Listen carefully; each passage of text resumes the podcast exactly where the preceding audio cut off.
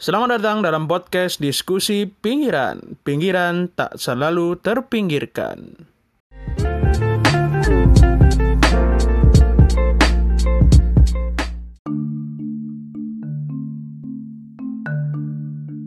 Assalamualaikum, kembali lagi di podcast Diskusi Pinggiran. Di episode kali ini kita akan membahas yang sempat ramai di uh, Indonesia, jagat Indonesia, dan masih berkenaan dengan topik hubungan internasional, yakni uh, isu tentang normalisasi antara Indonesia dan Israel. Dan kali ini saya tidak sendiri karena ditemani oleh dua orang teman saya, salah satunya adalah bintang tamu spesial, uh, Mbak Sarah Novianti, dan satunya lagi ya warga diskusi pinggiran ya, Uga Yuga Reksa. Keduanya ini adalah lulusan yeah. AI Unpad ya.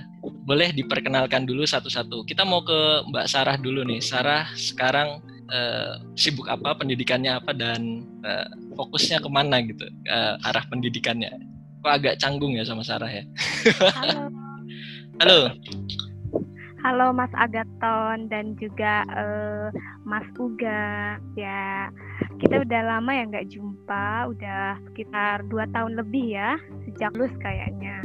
Uh, lagi lanjut nih di UGM ambil HI lagi dan insya Allah fokusnya um, masih kayak S1 di politik internasional. Mantap.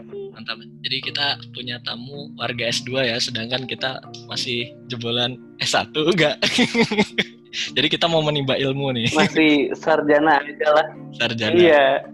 Nah, banyak banyak banyak yang di yang dipunya sama Mbak Sarah nih yang perlu dikulik-kulik nih terkait apalagi terkait Israel Israelan ya Tone. Iya betul karena fokusnya Wah, di ini kayaknya Mas uh, ya Mas Gaton sih sama Mas Uga ya. Aku harus uh, belajar banyak juga dulu kalian ini banget sih uh, fokus banget sama punya atensi lebih gitu sama politik-politik timur. Enggak, enggak bohong-bohong. Uga mukanya udah kayak orang timur tengah tuh. Cuma cuma itu cuma pencitraan aja waktu di kampus. Oke. Ya, jadi ya, uh, ramai ya. Betul, betul. Jadi uh, isu normalisasi Israel Indonesia Israel dan Indonesia akan membuka hubungan diplomasi itu sempat mencuat ketika media Israel salah satunya adalah Jerusalem Post uh, membuka uh, informasi tentang sumber uh, pejabat yang menyebutkan bahwasanya Indonesia ini siap akan melakukan normalisasi dengan negara Israel yang mana selama bertahun-tahun semenjak Israel merdeka tahun 1948 itu uh, hal yang tabu bagi Indonesia untuk mengakui kedaulatan Israel. Nah, kita mungkin akan uh, uh, ngobrolin soal background story-nya dulu ya dari awal. Uh, sebenarnya ini uh, isu normalisasi ini kita mau ke Bang Uga dulu. Normalisasi ini negara-negara mana aja sih, gak uh, yang awalnya memulai kemudian langkah normalisasi sehingga kemudian Indonesia juga diwacanakan demikian. Oke, jadi uh, normalisasi uh, hubungan diplomatik Israel dengan negara-negara Muslim kan sebenarnya udah udah berjalan lama ya. Dan dulu awalnya itu Mesir, uh, terus kemudian Yordania itu di tahun-tahun masih masih tahun dulu lah, tahun udah lama banget. Nah, yang baru-baru ini itu di tahun 2020 di masa pemerintahannya uh, Netanyahu yang yang tahun keberapa gitu. di 2020 uh, dibantu di ya di broker di brokeri di di brokered by gitu oleh uh, uh, apa Donald Trump. Nah, uh, di tahun 2020 ini sempat geger itu Uni Emirat Arab di bulan Agustus, uh, lalu Bahrain, uh, terus Sudan dan yang terakhir Maroko di Desember kemarin. Nah, ini sebenarnya uh, apa namanya dari dari sudut pandang Israel sih lebih lebih kepada membuka apa ya, membuka channel kepada teman-teman ala teman-teman Arabnya di Timur Tengah. Karena uh, Israel sendiri kan ya dalam tanda kutip bukan Arab di rumahnya Arab lah seperti itu. Jadi lebih ke membuka uh, pintu kepada teman-teman Arabnya. Juga uh, nanti bisa eh, apa namanya ada hubungannya dengan apa namanya perimbangan kekuatan dengan Iran di Timur Tengah. Nanti ada kaitannya ke sana. Cuma uh, untuk normalisasi ini, berarti dari total empat yang di 2020 ditambah dua lagi yang awal-awal uh, Israel merdeka uh, uh, Mesir dan Yordania. Seperti itu. Jadi awalnya ada beberapa negara Timur Tengah dan juga yang mungkin dalam tanda kutip negara-negara dekat dengan Islam gitu ya. Coba mulai normalisasi gitu. Oke, kita kemudian uh, beralih ke Sarah nih. Kita kan uh, di Indonesia ini kan cukup tabu gitu dengan adanya hubungan Indonesia Israel. Kok kita uh, hubungan gitu ada normalisasi dengan Israel, wah kita harus dilawan. Kenapa sih uh, kemudian orang Indonesia nih Sar uh, ada semacam perasaan tabu gitu ketika akan berhubungan dengan Israel gitu, apalagi soal uh, terkait dengan hubungan diplomatik ini. Ada pendapat gitu Sar? Uh, ya, uh, tapi di tahun 2020 ini saya ucapkan uh, bela sungkawa dulu kali ya untuk hmm. tahun 2020 rasa-rasanya seperti tahun duka bagi Palestina karena negara-negara uh, Teluk seperti itu ya empat negara yang baru-baru ini menjalin normalisasi hubungan diplomatik itu uh, telah mencederai gitu hati uh, saudaranya sendiri gitu ya dan melihat fakta bahwa hmm, normalisasi Israel hubungan diplomatik Israel dengan Indonesia ini sekarang lagi mencuat nih. Dan banyak juga pro kontra di masyarakat. Uh, apakah memang benar gitu ya hubungan ini akan uh, dijalin oleh kedua negara gitu? Secara uh, Palestina sendiri selama ini menjadi uh, salah satu isu yang uh, atau kepentingan uh, Indonesia di luar negeri untuk diperjuangkan gitu kemerdekaannya sesuai dengan apa yang kita uh, domankan dalam pembukaan undang-undang dasar ya mengenai menentang penjajahan di atas muka bumi gitu. Dan tentunya jika santer uh, isu normalisasi hubungan diplomatik Indonesia dengan Israel itu uh, pasti akan melukai hati sebagian besar umat muslim yang ada di Indonesia yang tentunya selama ini sudah sangat mendukung upaya-upaya kemerdekaan Palestina melalui berbagai bantuan dan ya seperti itu. Jadi ada yang namanya kedekatan uh, batin ya antara Indonesia dan juga Palestina. Kita tahu Palestina sendiri sebagai uh, negara yang uh, status salah satu negara yang mengakui kemerdekaan Indonesia ketika negara lain di uh, di seluruh dunia waktu itu tahun 45 menyepelekan atau uh, meremehkan kemerdekaan Indonesia, tapi Palestina hadir gitu untuk mengakui kedaulatan Indonesia. Dan tiga tahun kemudian malah kemudian Palestina yang uh, menjadi korban dari penjajahan Israel seperti itu. Dan di situlah sejak itu Presiden Soekarno kemudian uh, berupaya membentuk namanya Konferensi Asia Afrika dan uh, sehingga akhirnya terbentuk Dasar Sila Bandung dan uh, Bandung Spirit yang salah satu poinnya itu untuk memperjuangkan kemerdekaan Palestina. Ya, gitu. Oke, jadi tidak hanya sebatas hubungan antara Israel dengan Indonesia saja, tapi juga terkait dengan adanya uh, hubungan antara Indonesia dengan Palestina yang di mana ketika kita berhubungan diplomatik berarti kita akan mengakui penjajahan uh, Israel atas Palestina gitu semenjak berdiri uh, tahun 1948 gitu. Uh, Bang Uga ada pendapat mau lempar ke Uga kenapa sih kemudian uh, hubungan Indonesia dengan Israel yang diwacanakan ada itu walaupun sudah dibantah oleh Menlu, Menlu Retno Marsudi itu kemudian menjadi tabu gitu bagi masyarakat Indonesia ada pandangan lain nggak? Uh, Oke, okay, karena mungkin lebih ke faktor uh, demografi di Indonesia ya, yang yang mayoritasnya Muslim dan suara-suara untuk menentang uh, menentang uh, penjajahan Israel di di tanah Palestina itu sudah sudah sudah terkonstruksi sejak lama. Jadi ketika ketika ada wacana-wacana seperti itu akan menjadi dekonstruksinya mungkin de dekonstruksinya akan menjadi sulit ya di di di pikiran atau di hati masyarakat muslim Indonesia. Karena ya itu tadi kan selain ada apa namanya justifikasi-justifikasi konstitusional ya eh, di sana juga umat muslim umat muslim gitu yang yang secara iman katakanlah eh, sama dengan umat muslim. Dan di sana juga kan eh, apa namanya kiblat pertama ya. Jadi ketabuannya itu muncul dari hal-hal yang mungkin secara ide ide ide konstruksi konstruksi idenya sudah terbentuk lama baik secara agama maupun secara konstitusional untuk membenarkan untuk membenarkan umat muslim untuk membuat tabu hubungan Indonesia dengan Israel. Jadi ya di situ sih menurut menurut menurut saya jadinya agak sulit juga ketika uh, atau resistensinya sangat besar gitu ketika ada isu-isu uh, normalisasi hubungan antara Israel dan Indonesia. Oke, jadi ada semacam persoalan identitas dengan persoalan konstitusional ya. Di sini kita melihat uh, Indonesia tidak memiliki hubungan diplomatik karena alasan-alasan tersebut dengan Israel. Nah, ini uh, kalau kita lihat kan di depan atau di secara publik atau secara terang-terangan itu Indonesia sangat menolak dengan adanya wacana hubungan uh, normalisasi Indonesia Israel gitu di depan publik itu di hadapan komunitas internasional itu.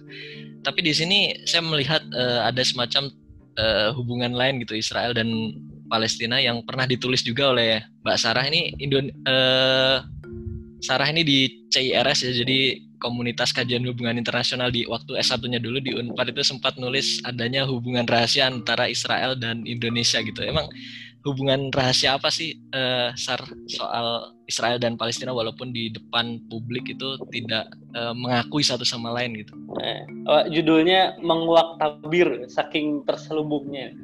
Harus dibuka nih. Betul betul. Mbak Sarah nih. Aku bahkan lupa pernah nulis itu. Oh iya masa? Oke coba ya aku ingat-ingat lagi.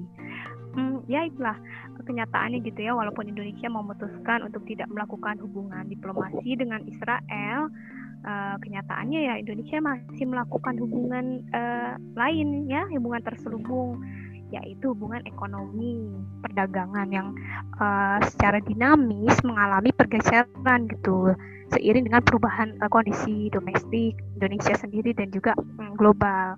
Namun ya komitmen Indonesia saat ini terhadap konflik di Timur Tengah, terutama konflik Israel-Palestina itu uh, dengan tidak menjalin hubungan diplomatik dengan Israel, nyatanya gitu hubungan dagang antara Indonesia dan Israel sudah lama terjalin gitu ya dan walaupun keduanya tidak ada hubungan diplomatik dan itu mungkin bisa kita ingat uh, mungkin Mas Gaton dan Uga ingat ya kalau hubungan dagang ini uh, dimulai dengan uh, pembelian helikopter dulu dan jet, uh, jet tempur ya dari Israel pada masa Orde Baru dan kemudian dilanjutkan dengan normalisasi uh, maaf bukan normalisasi maksudnya hubungannya itu semakin kuat ketika pada masa pemerintahan Gus Dur dan uh, di era SBY juga seperti itu. Kalau kita lihat sih ya uh, terjalinnya hubungan ekonomi yang dinamis antara Indonesia dan Israel itu baik dilakukan oleh pemerintah atau swasta dan masing-masing negara pada masing-masing negara itu dimulai pada masa Orde Baru pada pemerintahan uh, Soeharto. Dan ini sebenarnya mm, sedikit memberikan peluang ya bagi Israel untuk berperan dalam perekonomian Indonesia khususnya pada bidang perdagangan pada waktu itu. Adanya keing uh, adanya uh, hubungan dagang itu diharapkan uh, transfer ilmu pengetahuan, teknologi, uh, khususnya di bidang militer gitu, juga menyumbang kontribusi bagi pembenahan atau modernisasi pada Angkatan Udara Indonesia uh, di tahun 80-an ya, okay. uh, begitu. Iya, jadi itulah hubungan dagang itu sudah sejak lama dimulai, bahkan sejak uh, masa pemerintahan uh, Orde Baru Ya oke. Okay. Jadi walaupun walaupun nggak ada hubungan diplomatik kita masih bisa backstreet gitulah istilahnya ya. Hubungan lain selain hubungan diplomasi gitu. kalau anak kalau anak muda backstreet kan pacaran gitu. Ini kita kalau dalam hubungan antar negara ini mungkin hubungan dagang gitu ya. Oke. Okay. Iya. Bahkan kalau kita lihat data sendiri nih kemarin saya coba ekstrak data dari Badan Pusat Statistik Indonesia ini hubungan uh, perdagangan bilateral Indonesia Israel itu sebenarnya tercatat uh, juga di BPS gitu dan uh, setiap tahun ya dari tahun 2015 sampai 2019 itu setidaknya kita itu mengekspor barang-barang uh, ke Israel barang dan jasa ya uh, itu sekitar 102 100 sampai 126 uh, juta USD gitu setiap tahunnya gitu. Sedangkan Israel itu sekitar uh, dari paling rendah itu tahun 2019 25 juta USD sampai yang paling tinggi itu 109 juta USD gitu. Jadi kalau kita lihat dari ekspor impornya itu kita sebenarnya surplus gitu uh, neraca perdagangan kita yeah. Iya. uh, Indonesia dengan Israel gitu. Jadi hubungan kita itu kemudian dengan Israel secara perdagangan itu justru menguntungkan Indonesia gitu kan. Uh, walaupun kita tidak memiliki hubungan diplomatik gitu. Nah, ini kita mungkin agak uh, liar uh, topik selanjutnya nih. Kenapa hmm. kemudian dengan adanya hubungan-hubungan yang mesra gitu ya, dalam tanda kutip di belakang gitu, hubungan dagang itu kita tidak uh, Indonesia itu tidak harus melakukan hub, uh, normalisasi hubungan dengan Israel gitu. Ada alasan apa gitu kemudian kita jangan sampai apa e, melakukan hubungan diplomatik dengan Israel. Mungkin ke Uga dulu deh sebelum ke Sarah nanti. Ada semacam Iya. Uh, jadi kan kalau sejauh ini juga sebenarnya untuk perdagangan walaupun uh, tercatat oleh BPS perdagangan pun dilakukannya tidak tidak officially oleh pemerintah kan ya. Betul. Dan dan apa namanya uh, perdagangannya pun uh, ada ada yang memang langsung dari Indonesia ke Israel langsung dari Israel ke Indonesia langsung. Ada juga yang melalui pihak ketiga ada yang melalui Singapura ada yang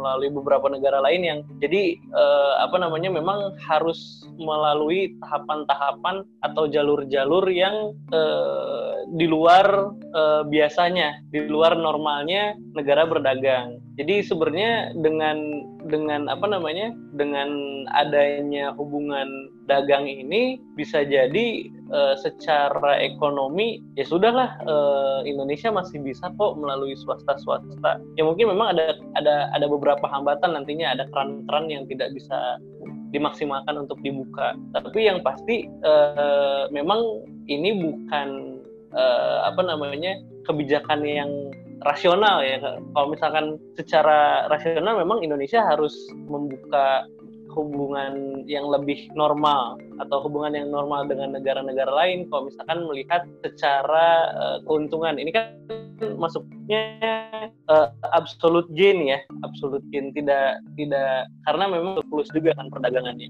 Identitas yang sudah terbentuk uh, ide-ide yang sudah ter, ter ter apa ya ter, terkonstruk ke ke masyarakat Indonesia. Jadi mungkin uh, ada dua sisi yang yang bertentangan nih. Dan dan ketika diakui pun ya itu sebenarnya perdagangan pun masih bisa jalan. Ya mungkin nanti kalau dibuka normalisasi lebih ke hal-hal politik politiknya nanti yang dominan seperti itu mungkin okay. Mbak Sarah yang pertanyaan yang sama mungkin uh, untuk Mbak Sarah juga nah uh, memang ya kalau kita lihat dari hubungan dagang antara Indonesia dan juga Israel ini sifatnya uh, bisnis to bisnis gitu. pemerintah sejauh ini hanya memantau, sedangkan pelaksanaannya dilakukan oleh Kadin dan swasta. Benar kata Mas Uga tadi uh, melalui pihak-pihak ketiga seperti Singapura, seperti gitu. Namun kita perlu telisik lagi lebih dalam gitu.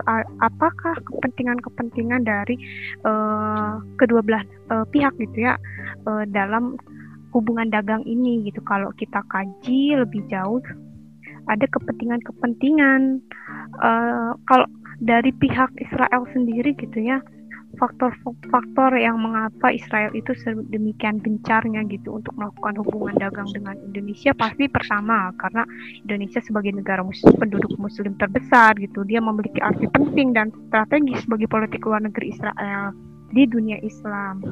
Indonesia dipandang sebagai pintu masuk nih ke dunia Islam.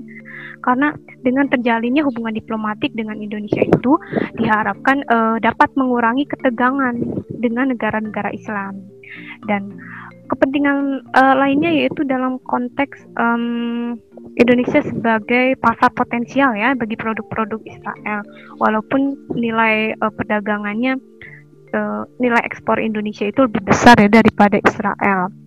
Uh, namun pengaruh Indonesia juga bisa dilihat gitu di ASEAN bahwa uh, Israel melihat itu sebagai uh, peluang untuk memasuki negara-negara kawasan gitu ya di ASEAN dan uh, terutama ketika dia bisa masuk ke kawasan ASEAN itu uh, bidang ekonomi, politik, pertahanan dia bisa dapat semua gitu. dan Indonesia sebagai negara yang memiliki kekayaan alam itu ya uh, itu bisa menjadi potensi sebenarnya bagi Israel dan potensi itu uh, uh, karena kita lihat gitu Israel dia punya apa sih sumber daya? Kayak gak ada ya. Dan itu yang dia mungkin uh, akan dapatkan gitu. Atau apa namanya kepentingannya itu ya salah satunya sumber daya alam yang bisa dia dapatkan untuk um, produksi industri teknologi mereka gitu. Oh iya iya iya. Betul juga ya. Soalnya banyak barang mentah juga ya dari Indonesia yang diekspor uh, ke Israel gitu seperti minyak gitu kan jadi sifatnya bahan-bahan sumber daya alam gitu ya. Oke, okay. jadi uh, ada dua anasir bahwa Israel kemungkinan akan memanfaatkan Indonesia melalui uh, apa? Indonesia itu dianggap sebagai celah untuk masuk ke dunia Muslim gitu, ya. dan juga dan meraih pa, pa, pangsa pasar yang lebih luas gitu ke ASEAN ya, Sir. Oke, okay.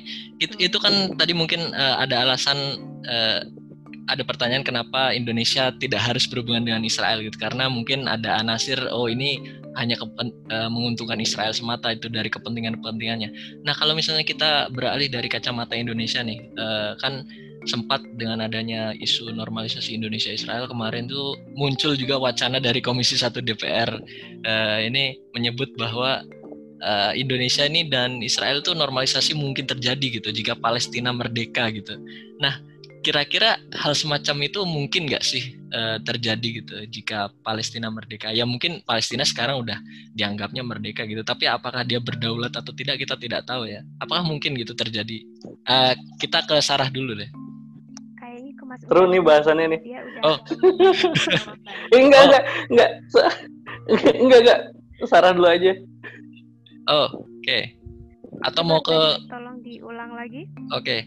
jadi uh, mungkinkah Indonesia dan Israel kemudian pada suatu hari nanti gitu di masa depan uh, melakukan hubungan normalisasi gitu kita saling punya kedutaan di Israel Israel punya kedutaan di Indonesia secara politis gitu kan terjadi gitu. Ketika Palestina kemudian sudah merdeka gitu jadi state sendiri gitu. Uh, Israel berdiri kemudian Palestina juga berdaulat sendiri dan Indonesia dan Israel juga memiliki hubungan yang harmonis gitu secara politik gitu. Mungkinkah itu terjadi gitu ketika Palestina kemudian merdeka?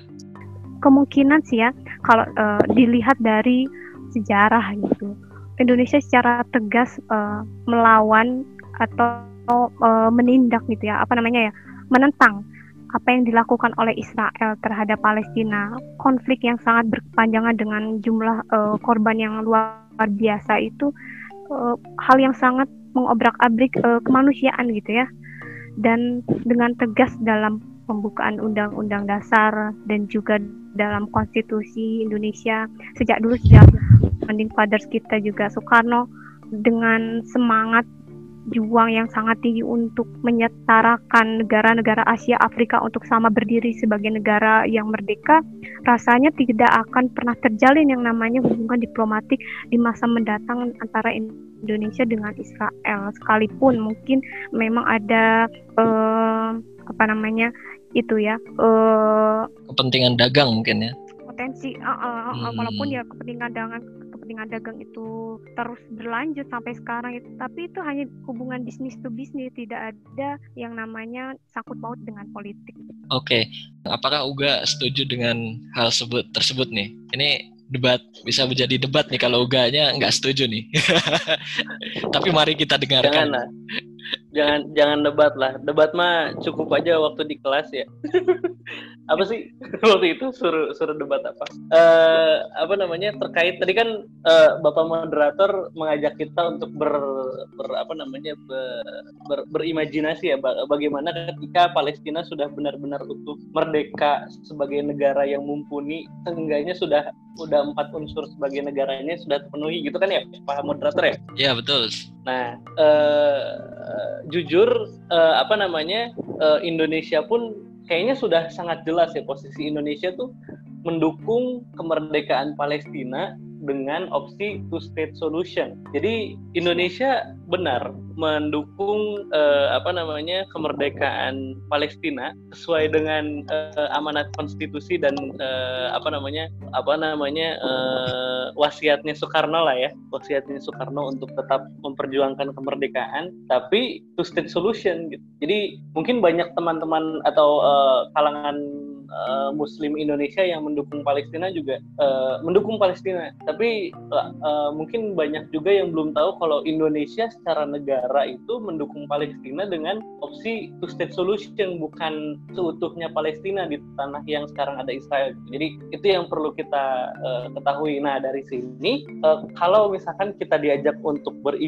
berimajinasi kalau Palestina benar-benar sudah merdeka, apakah Indonesia akan membangun atau menormalisasi hubungan diplomatik dengan Israel? Ya menurut saya sih eh, pada akhirnya kalau misalkan memang seperti itu, Israel sudah tidak ada masalah lagi eh, dengan dengan Indonesia karena eh, se sejauh yang saya ketahui hanya dua negara yang tidak diakui secara paspor gitu di Indonesia kan Israel dengan Taiwan ya. Taiwan. Nah Taiwan ini kan Taiwan ini kan uh, bermasalah karena uh, apa sih pengakuannya ini yang Cina yang mana nih? Yang yang iya yang yang Cina tuh yang mana kan? Nah Indonesia mengakuinya yang uh, Cina yang kita sebut sebagai Republik Rakyat Cina atau Republik Rakyat Tiongkok. Sedangkan untuk Israel sendiri ya masalahnya Palestina Palestina gitu. Nah kalau misalkan diajak imajinasi Palestinanya sudah memenuhi empat uh, syarat untuk menjadi negara sepertinya yaitu tidak akan menjadi masalah bagi Indonesia untuk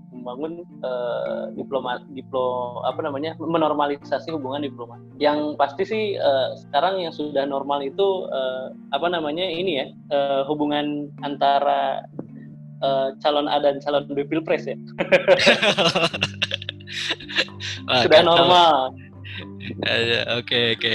Jadi Uga mungkin uh, ini ya ke depan mungkin bisa Indonesia dan Israel berhubungan ketika Palestina sudah merdeka gitu. Oke, dari uh, Sarah mungkin ada tanggapan soal ini Sar apa mungkin kekhawatiran yang mungkin bakal disampaikan uh, kekhawatiran yang terjadi ketika hal itu dilaksanakan gitu kekhawatiran uh, hubungan diplomasi iya hubungan hubungan diplomasi antara Indonesia dan Israel ketika itu dibuka gitu suatu saat jika Palestina sudah merdeka ya, ya. kalau menurut aku ya kekhawatirannya ya uh, sejauh ini apa yang sudah kita pelajari gitu ya dari tahun 48 konflik antara Israel Palestina ini seakan-akan seperti tidak berkesudahan gitu. Banyak kepentingan-kepentingan besar gitu di dalamnya. Dan oh, normalisasi hubungan empat negara yang baru-baru ini juga terkait dengan pertama uh, perebutan hegemoni antara Iran dan juga Israel ya di kawasan. Ada campur tangan pihak Amerika Serikat seperti itu. Dan kekhawatiran hubungan diplomasi Indonesia dan juga Israel sih sebenarnya pertama itu ya uh, apabila memang akan terjadi gitu normalisasi hubungan uh, kedua belah pihak kedua negara ini saya rasa uh, aku tidak bisa memegang janjinya Israel gitu ya. Selama ini yang apa dia ungkapkan dan dia janjikan kepada kita uh, warga dunia gitu.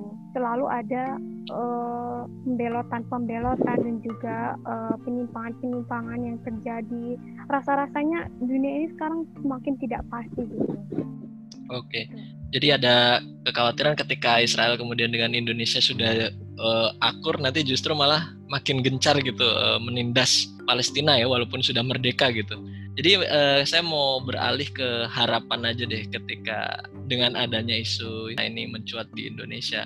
Apa harapan kemudian uh, yang bisa diharapkan dengan adanya wacana ini kepada Indonesia gitu? Harapannya harus bersikap seperti apa atau uh, harus kebijakannya seperti apa? Mungkin dari Uga dulu. Ya, uh, terkait harapan dari isu apa namanya normalisasi Israel dan Indonesia, harapannya sih berarti ada apa ya? Ada berarti kan ada kalau memang benar secara kasat mata kan yang namanya politik kan ada uh, apa yang dibaliknya seperti itu. Kalau misalkan memang nampaknya kan kalau dari sini uh, Israel dan Amerika tuh sangat membujuk uh, Israel dan Amerika itu sangat membujuk Indonesia untuk menormalisasi. Berarti kan ada ada bergening di kita nih untuk diminta ya dong normalisasi ke Israel. Harapannya berarti memang uh, kita punya punya punya posisi tawar tersendiri nih di mata Israel dan Amerika untuk membangun hubungan atau menormalisasi uh, di kawasan. Cuma memang kan dengan dengan teg sikap tegas kita untuk terus mendukung kemerdekaan Palestina itu satu poin penting juga nih. Uh, mungkin bisa jadi ke depannya kita akan membangun uh, hubungan diplomasi dengan Israel, tapi dengan satu syarat mungkin uh, satu syaratnya yaitu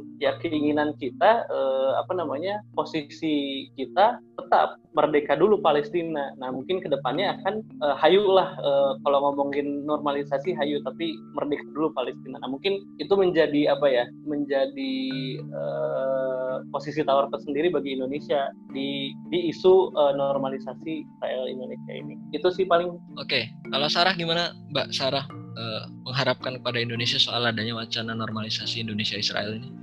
Uh, terkait dengan wacana normalisasi uh, hubungan diplomatik itu kita harus juga waspada ya tentang narasi-narasi yang akan uh, um, apa ya namanya ya membuat ricuh gitu dan narasi tentang hubungan diplomatik itu kan sebenarnya kita tahu dari sumbernya Israel Times ya kalau nggak salah ya. Ya, nah itu kan sebatas uh, hubungan masyarakat ya bukan hubungan diplomatik. Namun kemudian di, perlin, dipelintir gitu menjadi hubungan diplomatik. Akhirnya ada uh, kegaduhan gitu. Dan sebenarnya uh, wacana untuk normalisasi ini tidak keluar dari uh, pemerintah resmi langsung gitu ya hanya uh, melalui melalui apa namanya berita gitu ya. Dan ini yang harus juga kita cermati dan kritisi gitu. Apa pun yang uh, wacana-wacana apa pun harus di apa ya kita jangan uh, telan mentah-mentah. Dan terkait dengan hubungan yang telah lama dijalin oleh Indonesia baik itu hubungan dagang ataupun hubungan people to people ya kunjungan wisata religi dan lain-lain seperti itu uh, Indonesia harus tetap pada posisinya dari awal untuk uh, memperjuangkan kemerdekaan Palestina gitu. Dan walaupun memang tadi ya aku setuju apa yang kata Uga jikalau memang eh, Palestina ini sudah memenuhi syarat sebagai negara, empat syarat sebagai negara dan akan merdeka dan Israel memang akan memenuhi janjinya untuk tidak mencaplok Palestina dan eh, mengakui kemerdekaan Palestina ya uh, bukan tidak tak, bukan tidak mustahil ya kalaupun nanti di suatu masa Indonesia akan membuka hubungan diplomatik dengan Israel seperti itu. Oke, okay. uh, eh, ini mungkin akhir daripada uh, diskusi kita kali ini dari beberapa poin yang bisa kita ambil yaitu uh, dengan adanya narasi ini salah satunya kita harus waspada ya dengan adanya uh, mungkin agenda atau kepentingan dari ad, uh, adanya munculnya isu ini dan Indonesia harus tetap pada sikapnya tetap kukuh atau tegak dengan apa yang dia posisikan sejak awal gitu ya. Itu Undang-Undang Dasar 45 pembukaan gitu yang kita akan menghapuskan penjajahan segala bangsa termasuk salah satunya Palestina. Dan mungkin ini uh, informasi aja buat uh, kawan-kawan pendengar diskusi pinggiran uh, yang tadi disebut oleh Uga dan Sarah ini soal empat apa syarat berdirinya sebuah negara ini muncul dari konvensi Montevideo tahun 1933 gitu ya. Mungkin belum yang belum tahu itu syarat berdirinya negara itu adalah satu wilayah adanya wilayah yang tetap kemudian pemerintah berdaulat, yang ketiga itu ada rakyat, dan keempat itu kemampuan melakukan hubungan internasional atau hubungan antar negara yang salah satunya didapat dengan cara membuka hubungan diplomatik tadi gitu. Makanya ini eh, dengan pembukaan diplomatik eh, hubungan diplomatik antara Indonesia Israel ini secara tidak langsung mungkin Indonesia suatu saat ketika melakukan hal itu akan mengakui kedaulatan negara Israel yang uh, mungkin selama ini oleh komunitas internasional dianggap melakukan penjajahan atas uh, negeri Palestina seperti itu. Dan akhir dari diskusi ini sudah sampai. Terima kasih buat Uga yang sudah bergabung dan juga bintang tamu spesial kita uh, Mbak Sarah Novianti ya, mahasiswa magister hubungan internasional di Universitas Gajah Mada. Terima kasih semuanya sudah bergabung. Sampai jumpa di podcast diskusi pinggiran selanjutnya. Assalamualaikum warahmatullahi wabarakatuh.